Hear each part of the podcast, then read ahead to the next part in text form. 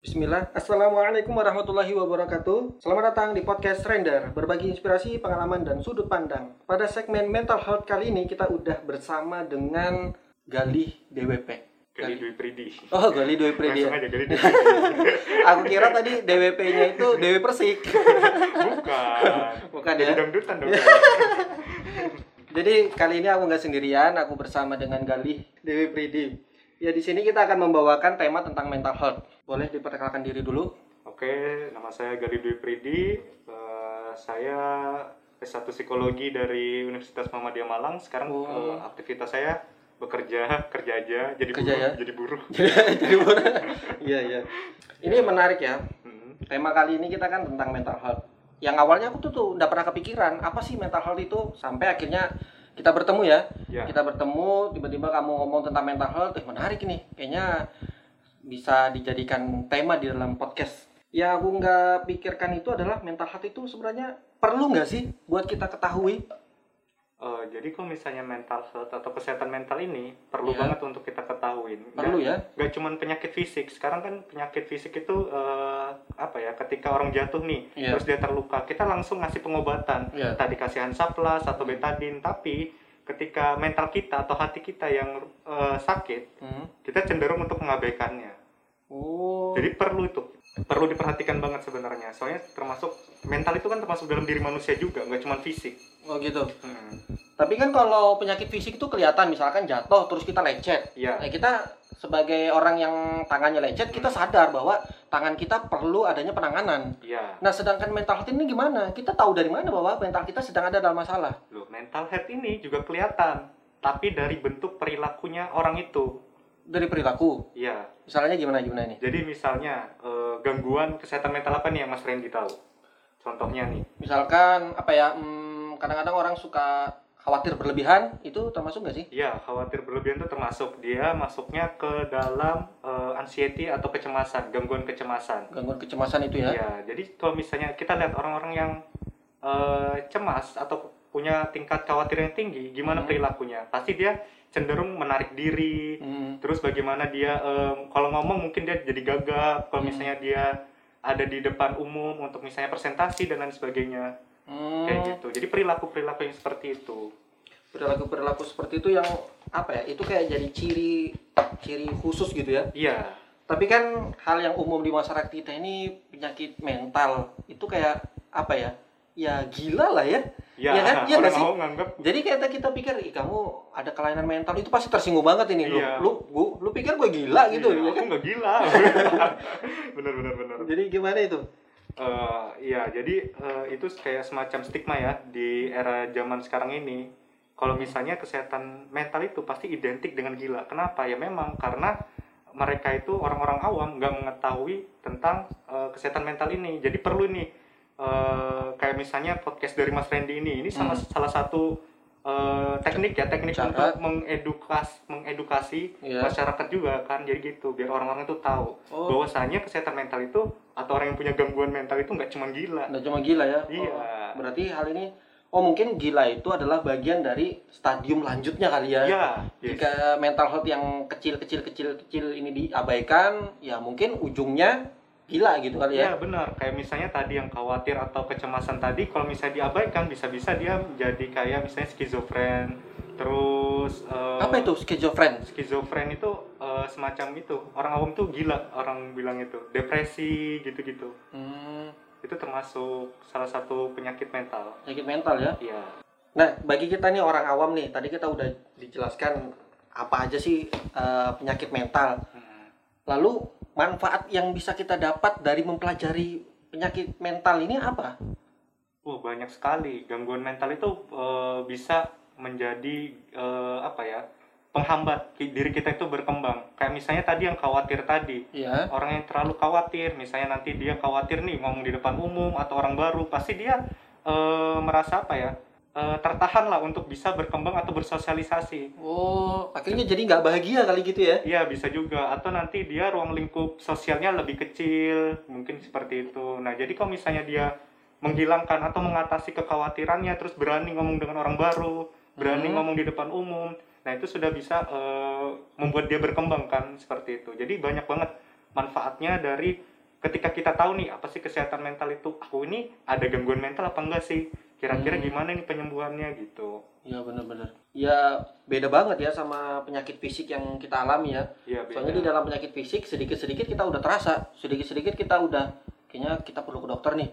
ya Atau istilahnya kalaupun tidak mau ke dokter kita ada penanganan-penanganan mandiri gitu ya. Mm-mm. Nah, sedangkan penyakit mental ini sendiri kapan sih kita itu harus menangani sendiri dan kapan kita harus dibantu orang lain untuk menangani penyakit mental yang kita punya? Oke, jadi kesehatan mental itu atau gangguan mental ini eh, gampang sih cara melakukan ini sih ya, eh, apa yang ngetesnya ya kepada diri sendiri. Jadi lihat aja kayak gini, kita ini bertingkah laku berlebihan atau sebenarnya kita ini bertingkah laku kurang.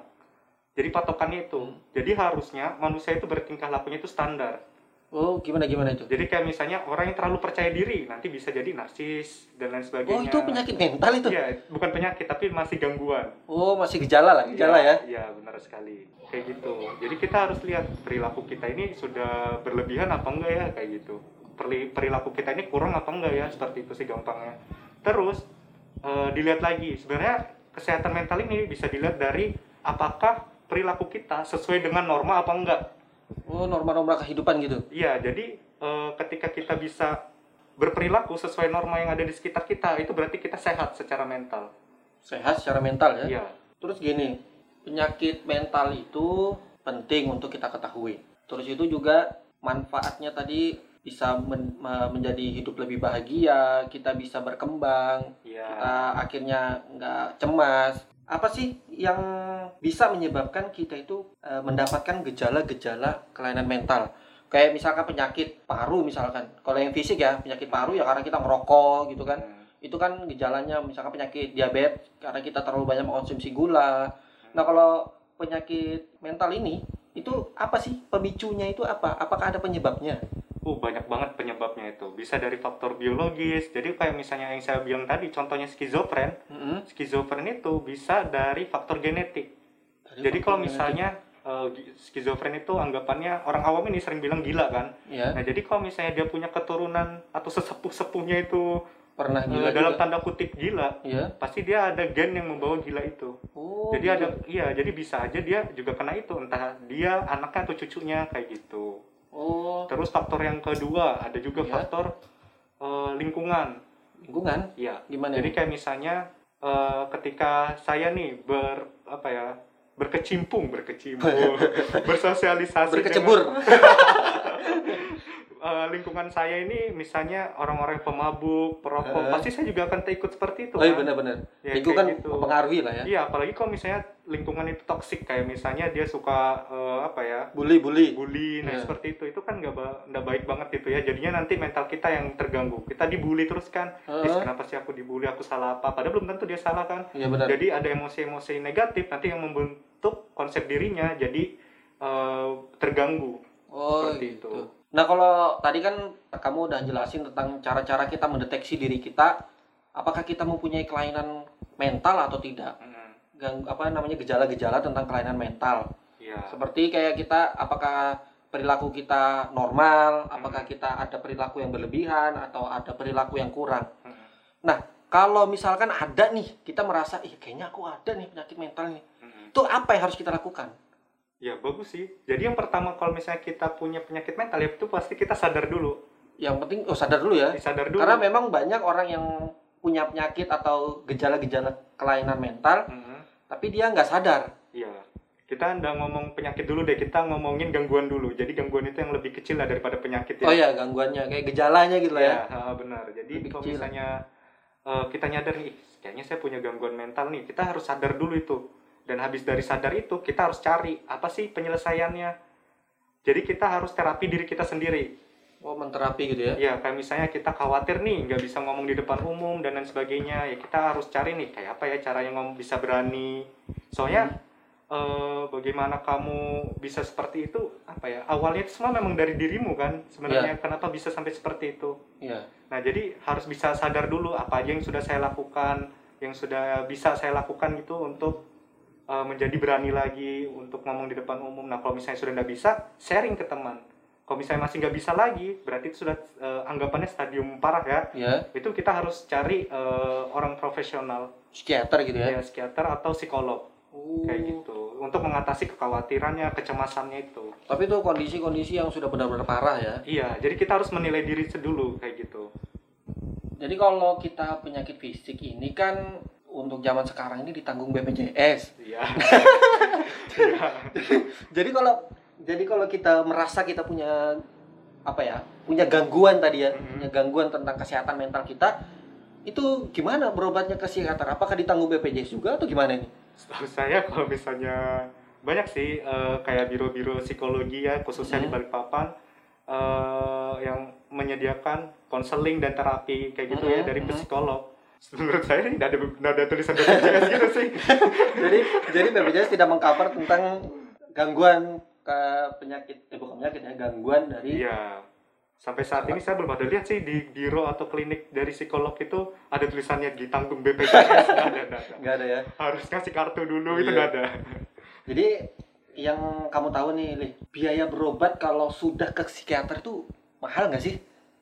Ah, kisarannya sih lumayan ya, lumayan banget lah terasa. Tapi ini worth it banget sama tapi hitungannya itu hitungannya per jam nggak sih yang pernah aku dengar kayaknya hitungannya per jam nggak gitu ya eh, jadi per konsul atau gimana per konsul benar. Jadi eh, kalau kita bilang sih per intervensi, jadi per perlakuan, Mm-mm. treatment per treatment. Oh, per treatment ya Iya benar kayak gitu. Jadi kayak misalnya kalau konsultasi aja yang saya tahu, saya punya dosen itu, ya dia konsultasi itu bisa dari 75 sampai 200. Wow satu Konsultasi ya aja, konsultasi aja.